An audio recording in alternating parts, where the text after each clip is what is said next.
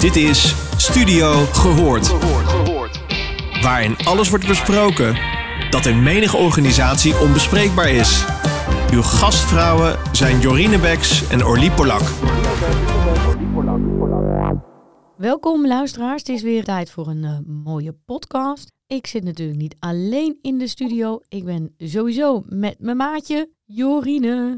Hey Orly, we zijn er weer. Hallo. En we hebben een leuke gast. We hebben te gast Bushra Talidi. En zij is Managing Director van Inclusioncy. En dit bureau geeft organisatieadvies over diversiteit en inclusie. Welkom, Bushra. Dankjewel. Hey Boesra, leuk dat je er bent. Vandaag gaan we natuurlijk weer praten over ons favoriete onderwerp. Hoe raakt psychologische veiligheid diversiteit? Uh, allereerst dank jullie wel voor de uitnodiging. Echt eh, heel leuk dat ik met jullie hierover eh, mag hebben. En de vraag hoe raakt psychologische veiligheid diversiteit is voor mij een hele belangrijke, omdat er wordt heel veel gezegd over psychologische veiligheid. Maar wat me heel erg opvalt altijd weer is hoe dat vanuit een, nou ja, toch wel een Amerikaanse eh, invalshoek wordt benaderd. En ook niet heel erg vanuit de culturele diversiteit. En daar ligt dan heel erg mijn interesse ook in. Psychologische veiligheid en diversiteit raken elkaar heel erg. Neem bijvoorbeeld als je kijkt naar teams. Als je kijkt naar teamverband en het stukje psychologische veiligheid. En je hebt een bepaalde vergadercultuur. We zijn allemaal divers, we zijn allemaal anders. En als ik even me focus op biculturele mensen, eh, die hebben ook een bepaalde culturele bagage. En die gaan dan in die relatie ook misschien net iets anders om dan een Nederlandse Nederlanders. En daar houden we onvoldoende rekening mee. En wat ook meespeelt, wat mij betreft, is toch de onbewuste vooroordelen. Dat we dat onvoldoende meenemen. Als je kijkt naar psychologische veiligheid, interactie tussen mensen, zit altijd dat stukje onbewuste vooroordelen naar de ander toe. En dat hebben we natuurlijk allemaal. En daar zouden we toch veel meer naar moeten kijken. Ja, jouw onbewuste vooroordeel mee in het veilig maken van je team, van je organisatie. Zeg je eigenlijk, je kunt het helemaal niet loszien? Nee, het is één geheel. Weet je, ook als je kijkt naar de rol van een leidinggevende. Hè, wanneer ben je nou een inclusieve leider? Een van de belangrijkste kenmerken wat mij betreft is dat die leider zichzelf kent en de mensen om zich heen leert kennen. En zichzelf kennen houdt ook in dat je bewust bent van je eigen onbewuste vooroordelen. Het houdt allemaal verband met elkaar. Maar hoe is het dan voor jou? Want als ik kijk naar heel veel organisaties, dan zie ik aparte programma's. En aparte functionaris of programma- of projectmanagers. Dan heb je iemand die is van D&I. Dan heb je iemand heel vaak natuurlijk vanuit die sociale veiligheid, hoe het nog heel vaak wordt ingestoken. Hoe kijk jij daarnaar?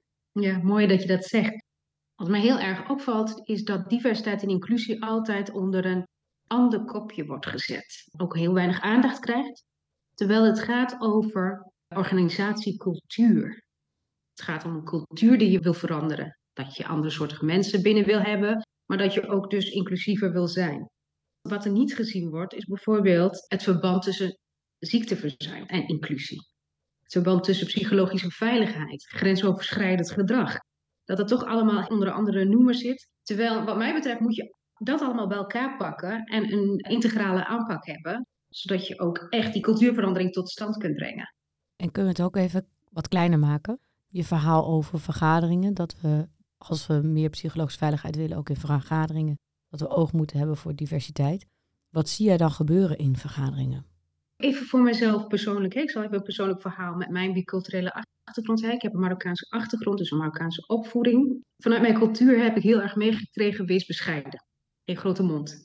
En ja, je bent dan best wel introvert. En dan is best spannend, vooral toen ik wat jonger was, eh, net aan mijn carrière begon, om me uit te spreken. Want je wil niet, hè, want het, ja, een beetje een hiërarchische cultuur, en je wil niet de baas spelen of arrogant overkomen. Dus ik hield me heel vaak in. Totdat ik dat op een gegeven moment terugkreeg van mijn leidinggevende in de beoordeling, dat ik stil was. Ja, dat was voor mij wel een eye-opener, dat ze wou dat ik me wat meer uitsprak. Nou, toen deed ik dat extreem, want ik wist nog dat niet goed te balanceren. Dus sloeg ik weer de andere kant op. Maar dan ben je weer te mondig. Dat valt me sowieso op hoor. Ik vind dat vrouwen van kleur en zwarte vrouwen, als ze hun mond open doen, heel snel in het hoekje worden gestopt van, nou, weet je wel, eh, eh, grote mond. Een voorbeeld is Sylvana Simons, vind ik. waar we heel erg naar uit moeten kijken. Maar even terug naar je vraag.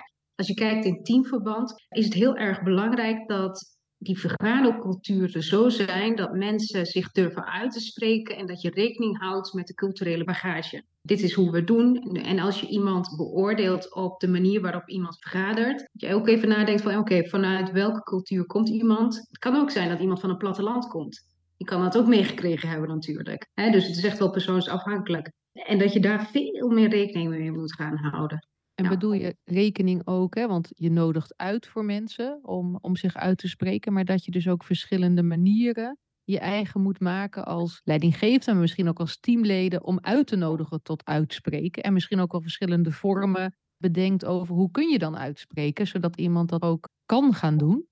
Ja, wat ik uh, bijvoorbeeld merk, hoe je dat kan doen, tuurlijk, het gaat over uitnodigen. En je kunt tegen iemand zeggen van nou, zeg eens wat. Ik, ik geef heel veel trainingen ook. En dan nodig ik mensen uit of ik probeer het via menties, wat anoniemer. Maar ik merk wel dat, even houdend bij culturele diversiteit, dat ik bij trainingen, name jongeren met een biculturele achtergrond, zie dat ze heel veel te zeggen hebben, maar dat ze hun mond houden. Dan zie ik ze onderling met elkaar appen bijvoorbeeld. En je ziet, er zit iets, maar het komt niet naar buiten. Maar onderling zitten ze dan wel te appen van nou, nou. Hè. En dat is heel erg jammer. Nou denk ik dat dat niet direct te maken heeft met hun culturele achtergrond, maar veel meer het gevoel van je niet veilig voelen in die setting waarin jij een ondervertegenwoordigde groep bent. En eh, wat ik heel belangrijk vind, en dat is dan eigenlijk de andere kant, is dat deze jongeren zich meer gaan uitspreken. En als ze dat niet durven, dat ze dan hulp gaan zoeken. Ik heb uh, bijvoorbeeld uh, gisteren een mailtje gehad van iemand. Deze jonge dame is een trainee en zij spreekt zich niet uit. Dat heeft ze ook verteld, ook over diversiteit. Ze vindt heel veel, maar ze wil er niet over praten, want ze vindt het te spannend. Maar het zit er heel, heel hoog. Dus ik heb haar dus echt gezegd, van, je moet het wel doen, want anders ontplof je nog een keer. En probeer het nou maar steeds meer, zodat het ballonnetje wat steeds leger wordt. Maar dat is heel erg moeilijk als je jong bent en je zit vol emotie op het onderwerp en hoe je dat moet doen. Dus zij hebben bij ons ook de begeleiding gevraagd van, nou, ik wil me iets meer gaan uitspreken en hoe pak ik dat aan? Wat ik mooi vind hieraan is zelfinitiatief. Want je kunt als leidinggevende of als collega constant zeggen van kom op, spreek je uit, spreek je uit. Maar het initiatief ligt natuurlijk ook bij de mensen zelf, omdat je dat stimuleert. En hoe doe je dat dan? Hè? Want ik vind het wat je aangeeft, iemand moet zich uitspreken. En nu net dat voorbeeld wat je gaf van die jongeren die dan aan het appen zijn. Heb jij opties voor de luisteraar dat je kunt zeggen: Oké, dit zijn verschillende mogelijkheden om toch wat verder te gaan dan alleen maar spreek je uit? Want dat is maar één optie natuurlijk. Ja, wat ik zelf doe is: ik ga naar elk persoon individueel. En dan ga ik daar echt gewoon naast zitten en gewoon vragen: van, nou, hoe, hoe gaat het en hoe is het? En ik mis je stem. En ik zie gewoon dat je heel veel, ja, iets fundamenteels in te brengen hebt. Waarom horen we dat niet? de keren dat ik dat gedaan heb, dan zeggen ze van, ja, ik vind het toch wel spannend. En dan ga ik door op, wat denk je dat er gaat gebeuren dan? Eh, heel erg uitnodigen om toch je stem te laten horen. Ik moet zeggen, het helpt wel dat ik zelf een biculturele achtergrond heb natuurlijk. want dan voelen ze zich iets veiliger en ik kan ze dan ook meegeven wat ik zelf heb meegemaakt. Dus ik vertel ze ook vaak van, nou, ik heb in het begin sprak ik zelf ook niet in een team of ik sprak me niet uit over het onderwerp. Maar ik merkte wel dat het zo erg op mij ging drukken, waardoor dat ten koste ging van mijn werk. Dat ik heel voorzichtig elke keer een stapje heb gemaakt in me uitspreken over zaken waar ik niet gelukkig mee was. Het is dat één op één contact met iemand die zich niet gerepresenteerd voelt. Want dit kan natuurlijk ook voor iemand van een andere ondervertegenwoordigde groep gelden. Maar dat je toch één op één en aangeven dat je het waardeert als iemand zich uitspreekt. En wat je kunt doen, misschien kun je samen iets doen. De vormen die ik soms ook wel eens gebruik, is gewoon door geeltjes te plakken ergens. Iedereen tegelijkertijd een geeltje, schrijf even iets op wat je vindt of weet ik veel. En dan dat verzamelen en dan plenair bespreken. Dus je hebt verschillende vormen. Maar kern is wat mij betreft altijd wel dat één op één contact daarin, in, in, in mijn werkpraktijk. Ja. Als we nog eens even teruggaan naar die vergadertafel waar we de podcast mee begonnen. Waarin we in een groep zitten, laten we de groep even een mannetje of 25 maken. Waarbij je zegt, ik ben opgevoed dat ik bescheiden moet zijn. Dat zit in mijn cultuur. Dus als we een overleg hebben en er ligt een dilemma op tafel en mijn leidinggevende zit aan die tafel en ik ben de laagste in rank, dan is mij geleerd een bescheiden positie aan te nemen. Ik wist dat niet van de Marokkaanse cultuur. Ik weet dat wel van de Aziatische cultuur. Mhm. En bij de Aziatische cultuur gaat dat misschien nog wel verder dan beleefdheid. In Korea, Japan is dat niet echt fatsoenlijk om je bij je meerdere, zeg maar, kritisch uit te laten. Dus die hebben ook best wel veel moeite hoor met de theorie van psychologische veiligheid. Maar ook zij moeten vooruit. Hè? Ook zij moeten op een gegeven moment een onderwerp kunnen bespreken. En ook zij willen naar de kennis van iedereen op intap. Ik heb ooit een keer gesproken met eh, dames uit Vietnam. En die hadden daar een hele creatieve oplossing voor bedacht. Die zeiden, weet je wanneer het ons wel lukt? Is als we met z'n allen met de baas gaan eten. En dan willen we iets tegen hem zeggen. En dan zeggen we tegen hem, ja, wij hebben gehoord uit het andere bedrijf hier in de straat dat medewerkers dit en dit en dit eigenlijk vonden. Nou, en die cultuur die werkt zo dat die baas prima weet dat het over hem gaat. Weet jij? Maar die hebben dat zo ingepakt. En de reden waarom ik dit voorbeeld schets is dat ik kom bij klanten waar je daadwerkelijk de situatie hebt die jij omschrijft. Ik heb 25 man aan een vergadertafel. En de een heeft een Marokkaanse achtergrond, de andere Koreaanse achtergrond, de andere komt uit Irak. En je hoort alleen maar de Nederlanders heel direct praten, bij wijze van spreken. Wat zouden wij in onze Nederlandse vergadercultuur kunnen doen om eigenlijk meer multicultureel te gaan vergaderen? Wat zou jou Ja. over de streep trekken? Ja, kijk, als je weet dat dat al zo kan zijn, kun je ook vanuit die Nederlandse vergadercultuur. Ik wil wel even, even, even een kanttekening. Je hebt niet de Marokkaanse cultuur. Hè? Dat bescheidenheid geldt niet voor iedereen. Hè? Dat, dus de bescheiden opvoeding. Dus even, even dat. Zoals de Nederlandse cultuur niet één cultuur is. Maar als jij een vergadertafel hebt met 25 mensen. En al die 25 mensen, daar zitten toch wel verschillende culturen in. En de meerderheidsgroep is een extraverte, een uitgesproken groep. Dan is het ook aan die uitgesproken groep om te leren van hé, hey, ik ben constant aan het woord. En degene die de vergadering aan het leiden is, zal daar extra op moeten letten. Daarom ben ik ook heel erg van het roleren, van het begeleiden van een vergadering. En verdiep je eens in andere, in andere culturen. Want jij hebt dan over de Japanse cultuur en de indirecte, de Aziatische cultuur en de indirecte manier van een boodschap overbrengen. Herken ik ook van de Marokkaanse cultuur. Je gaat niet in één keer iemand aanvallen en hop, dit is zo. Niet zo direct. Ik denk dat het sowieso mooi is als steeds meer Nederlanders zich gaan verdiepen in andere culturen. Want wij worden ook steeds internationaler. Dus dit is een stukje bagage die je mee moet nemen in je werk. Want ja, weet je, je wil ook uh, vakmanschap hebben. En wat mij betreft is dat een belangrijk onderdeel daarvan. Maar dat geldt ook voor mensen uit die ondervertegenwoordigde groepen. Dat zij zich ook weer gaan verdiepen in de cultuur van de Nederlandse meerderheidsgroep. Nou, wat ik zelf doe is, en nou, ik heb heel lang kat uit de boom gekeken. Van hoe werkt het hier? En hoe kan ik mezelf zijn? Maar me toch een stukje aanpassen in, deze, in dit gesprek. Want ja, Vaak nemen ze me ook aan vanwege wie ik ben. Maar hoe zorg ik ervoor dat ik één word in deze groep? En dat is best wel lastig, vooral in het begin. En als je jong bent, heb ik dat echt wel als lastig ervaren. Want wie ben ik dan precies? En welk stukje geef ik aan de Nederlandse cultuur? En welk stukje van mezelf hou ik? Om toch mee te kunnen doen. Dat is ook een stukje van ervaring opdoen in de, in de loop der tijd. Maar ik wil mensen uit minderheidsgroepen, bijvoorbeeld met een biculturele achtergrond, heel erg meegeven dat het je nooit zal lukken om in je kracht te staan op het moment dat je volledig probeert mee te gaan in de cultuur die niet bij jou past. Dat heb ik ook gedaan. Ik heb heel lang geprobeerd, strak in de pak, bij een advocatenkantoor. Ik had zelfs mijn haren geblondeerd, mijn krullen eruit. Probeerde te praten zoals alle andere mensen. En ik merkte dus ook bij de Rijksoverheid dat ik daardoor gewoon niet verder kwam in mijn carrière niet verder kwam in goede diensten te verlenen. Op het moment dat ik besloot, oké, vanaf nu ben ik gewoon wie ik ben. Toen accepteerde de anderen dat ik ben wie ik ben. En zag je ook dat ik heel snel ook stappen maakte in mijn carrière. Dus dat is misschien even een zijsprongetje. Maar ik denk dat de kern dan in zo'n vergadering moet zijn dat je leert om jezelf te zijn. En tegelijkertijd open zijn voor die ander. Want als je jezelf niet bent, ga je ook niet inbrengen wat, wat eigenlijk nodig is. Dus eigenlijk een oproep tot authentiek zijn. En ik herken hem ook. Ik heb dan een hele andere achtergrond dan, hè, dan jullie allebei. Zoals, iedereen is anders. Maar Mhm. ik herken wel, toen je dat net zei, jezelf verlogen. Ik heb het ook gedaan. Dat ik dacht, ik moet zo meedoen. Want als je zo doet, dan hoor je erbij. En tot ik uiteindelijk zo'n interne clash kreeg. Dat ik zelfs in huilen ben uitgebarsten bij een opdrachtgever. Omdat ik, maar dit kan niet. Dit ben ik niet. Dus die herken ik daarin wat je zegt. Maar ik hoor je ook heel mooi zeggen dat het een verantwoordelijkheid is voor iedereen. Dus het is niet van één kant die moet gaan begrijpen hoe de ander denkt. Het is uiteindelijk een stuk, ja, misschien wel op zoek naar zo'n gemeenschappelijke deler die hierin is. Wij zijn nieuwsgierig naar de ander met behoud van verschil. Dus met behoud van die diversiteit, want dan, dan wordt het ook eigenlijk leuker. Ik vind dat heel mooi verwoord wat je dat aangeeft. Kun je, heb jij nog, als je zegt, jij geeft het, die oproep hè, van trouw zijn aan jezelf.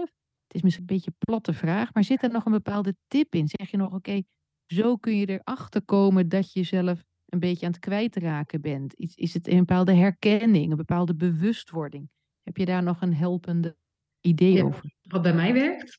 Je hebt altijd een onderbuikgevoel hè, als je iets doet. En als je daarna gaat luisteren, dan weet je dat je uit de koers bent. Dat is mijn manier om dat te doen. We hebben dat met heel veel dingen. Stel bijvoorbeeld als je kleren gaat kopen of wat dan ook. Hè, van ja, twijfel, niet doen. Want dat is niet wie je bent. Of een opdracht wel of niet aannemen. Soms dan voel ik gewoon van ja, waarom doe ik het nou? Maar ik denk echt bij jezelf nagaan van hoe voelt dit nou voor mij en hoort dit bij mij? Als je niet zeker weet, wacht dan eventjes ook. Of zoek het ook uit. Dat zou mijn tip zijn. Van vertrouw op ja, wat je eigen lichaam daarin aangeeft. Misschien een beetje zweverig, maar ik, dat is wel wat voor mij werkt. Ergens in het begin van de podcast vertelde hij over die jongeren. Dat die jongeren heel veel te vertellen hebben aan elkaar. Dat niet doen op het moment dat het eigenlijk opportun is hè, in, de, in de werkzetting. Maar dat jij ziet dat ze wel degelijk een mening hebben, maar dat ze dat in appgroepjes aan elkaar laten weten. En nu zijn we gewoon eigenlijk in Nederland een multiculturele samenleving. We ontkennen het soms wel eens, hè, er is niet meer één Nederlander. Hoe zie jij de toename van jeugd in ons bedrijfsleven? Gaan wij nu wel de juiste omgeving voor hun bieden, zodat we optimaal gebruik kunnen maken van ieders potentieel? Hoe kijken zij daarna tegen dat bedrijfsleven? Weet je wat ik zie? Is dat ze binnenkomen en proberen mee te gaan in dat bedrijfsleven. Tegen zaken aanlopen. Zich niet altijd durven uit te spreken. Vaak niet. En wat er dan gebeurt, is dat ze een eigen tafel creëren. Dus dat ze zelf een andere organisatie zoeken of een eigen bedrijf oprichten waarin zij zich wel vertegenwoordigd voelen. Ik sprak gisteren een jongerenorganisatie. Zij hebben een hele filosofie gecreëerd van wat zij als jongeren belangrijk vinden en hoe zij willen werken. Ze zijn uit zeg maar, de standaard eh, bedrijfsleven zijn gestapt, die bedrijfscultuur, want dat paste niet bij hun. Dus ze zijn een eigen cultuurtje gaan maken vond ook wel heel grappig, want zij werken bijvoorbeeld niet met agendapunten, maar met spanningen. Dat vond ik zo bijzonder. En dan gaat het over, waar voel jij spanning op? Nou, ik moest daar wel eventjes, dat ik dacht van, oh, dat is bijzonder, weet je. Maar dit is de manier waarop zij willen communiceren met elkaar. En ik denk dat, je, dat dat ook heel waardevol is. Waar zit het spanning op? Dan kom je meteen tot de kern ergens. Maar dat is ook een beweging die ik wel zie. Hè? Dat steeds meer nieuwe tafels worden gecreëerd omdat mensen tegen blokkades oplopen. Dus als je niet psychologisch veilig bent voor bepaalde groepen, als je geen inclusief team hebt, als je geen inclusief leiderschap hebt en mensen durven zich niet persoonlijk te ontwikkelen daarin, dan zie ik steeds meer de tendens dat mensen een eigen tafel creëren. En wat is het doel soms wat ze daarmee bereiken met die tafels? Want ik kan me voorstellen, ze nu komen die bij elkaar. Wat ik heel gaaf vind, is de woordkeuze. Dus wat heb jij nog agendapunten of heb jij spanningen? Ik herken dat. Ik werk met heel veel jonge mensen in mijn kantoor. En die waren ook niet zo blij met de vergadercultuur en opzet. En die willen veel concreter hebben wat het doel van een agendapunt is. En die hebben het dan over, uh, het, woord spanning komt er niet op, maar het is inderdaad waar loopt eigenlijk het eerste bloed uit. En wie heb ik waarvoor nodig met welke hulpvraag? Dus niet zozeer eigenlijk wat speelt er, dat is ook wel leuk. Maar vooral, oké, speelt er iets en heb je mij nodig? En hoe kan ik dan bijdragen? Dus meteen plop de diepte in. Ja. En wat doen ze met die tafels? Komen ze dan weer terug bij, de, bij dat bedrijfsleven en zeggen, joh, wij hebben eigenlijk eh, bij elkaar gezeten en wij hebben een idee voor een andere maandagoverleg? Ja, zij creëren gewoon hun eigen consultancybureaus. Zij, die, die tafels zijn dan ook echt weg bij de standaard, nou, ik noem ze even ouderwets, uh, ouderwetse organisaties zoals we zij hiervoor inrichten. Ze gaan dan een eigen bedrijf beginnen, een eigen consultancybedrijf in dit geval. En zij vinden aansluiting weer bij andere jongeren. En dat is eigenlijk heel jammer, want je wil dat het elkaar gaat besmetten. Maar ik zie daarin wel een stukje steeds meer polarisatie ontstaan. Uh, vandaag ook met een organisatie gesproken waarin je een grote massa aan oudere mensen hebt. Volgens mij was 80% wat ouder en in de hogere schalen. En heel weinig jongeren, waardoor de stem van die jongeren gewoon niet gehoord werd. Waardoor je die kruisbestuiving gewoon niet krijgt. En dus al die diversiteit die, die al die mensen bij elkaar brengen, gewoon niet bij elkaar komen. Met als gevolg dat in steeds meer gevallen, wat ik zie, dat er nieuwe tafels worden gecreëerd. Dus eigenlijk haken ze af vanaf het bedrijfsleven. Ja, ze zien ook kansen ergens anders. En dat geldt ook voor mij. Hè? Ik ben op een gegeven moment bij de Rijksoverheid weggegaan, omdat ik dacht, dit is niet mijn tafel. Hoe hard ik ook werkte, de beloningen, de bonussen enzovoort. Ik kwam er niet door. Dus wat ik gedaan heb, ik dacht op een gegeven moment, nou, maar nou ben ik er wel klaar mee. Ik ga mijn eigen succes uh, creëren. Ik ga mijn eigen stappen nemen. Dus toen ben ik mijn eigen bedrijf gaan starten. Maar je ziet dat ook bijvoorbeeld in Amerika. Morgan's World. En dat is een, een hele grote pretpark. En dat is gemaakt door een man. En hij heeft een gehandicapte dochter. En die man die, uh, heeft heel veel geld geïnvesteerd. Van, van, hij heeft een bedrijf verkocht. Hij heeft zijn geld echt geïnvesteerd in het maken van een inclusief pretpark waar iedereen met een beperking gewoon mee kan doen. Want hij zag dat zijn dochter nooit echt kon meedoen. Een hartstikke mooi idee, want nou kan iedereen meedoen.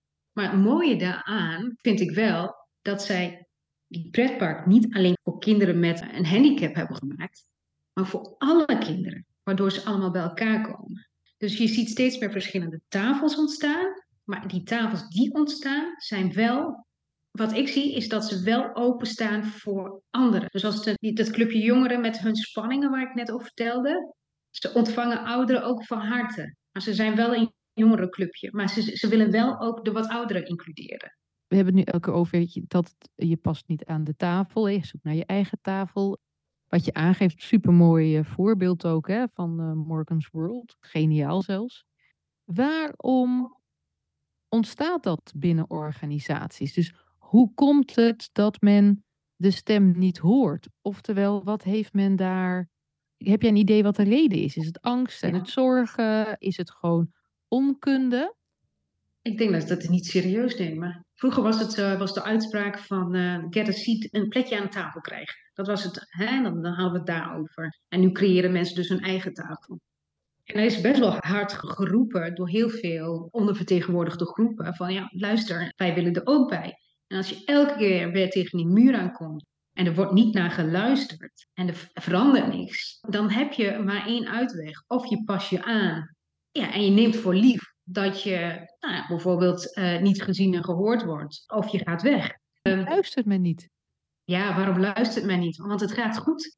Kijk, voor de meerderheid is er geen probleem. Nu, recent voorbeeld. De Efteling heeft nu een, uh, de attractie Droomvlucht hebben het aangepast en ze hebben nou elfjes met meerdere kleuren. Ja, ze hadden de kans om het weer allemaal mooi te maken. En dachten ze, nou, dan gaan we een representatie uh, van, van de samenleving laten zien. Nou, hartstikke mooi, waarom niet? Dan kunnen ook jongeren zich herkennen. Maar als je dan leest de comments onder bepaalde social media sites, dan lees je wat onzin en is dat nou echt nodig? Het is alleen in Nederland zo dat we daar zo de nadruk op leggen. Er is geen probleem. Nee, er is geen probleem. Als jij tot een meerderheidsgroep behoort, zie je niet dat dat een probleem is. Want jij wordt toch al vertegenwoordigd. En ja, hoe waar moet dat naartoe? Straks hollebolle gijs ook nog in allerlei varianten. Ja, dat soort discussie. Maar dan, dan waar, je dus tegen, ja, Lange Jan is waar je dus tegenaan loopt, zijn dat soort dingen die door heel veel mensen worden geroepen, waardoor je niet welkom voelt en niet gehoord voelt. Volgens mij kunnen we nog een hele tijd doorpraten, maar helaas hebben we ook een max uh, qua tijd. Maar wat ik ergens, uh, wat ik hoor zeggen, je hebt iets nodig, wat ik al voor de grap zeg, een man, een plan en een drama, dan krijg je verandering. Hè? Dus die urgentie als drama, die een deel niet voelt. Maar ik hoop dat iedereen dat gaat voelen. Dus ik hoor een oproep van jou van, wil je de jonge generatie aan tafel houden? dan moet je aan de bak met en die diversiteit en inclusie en die psychologische veiligheid. Ze kunnen niet zonder elkaar, alleen samen kun je de toekomst aan. Dus ik vind dat een hele belangrijke oproep, zeker als je kijkt naar die multiculturele samenleving waar we in leven. Dus dat heb je gewoon nodig. Dus dankjewel voor dit mooie gesprek. Mij lijkt meer hollebolle grijzen in uh, de Efteling alleen maar een enorme toegevoegde waarde. Dus uh, laten we daarvoor gaan. Dankjewel. Dankjewel. Je luisterde naar Studio Gehoord. Vond je dit een leuke podcast? Laat dan een review achter bij jouw favoriete podcastplatform. Tot de volgende!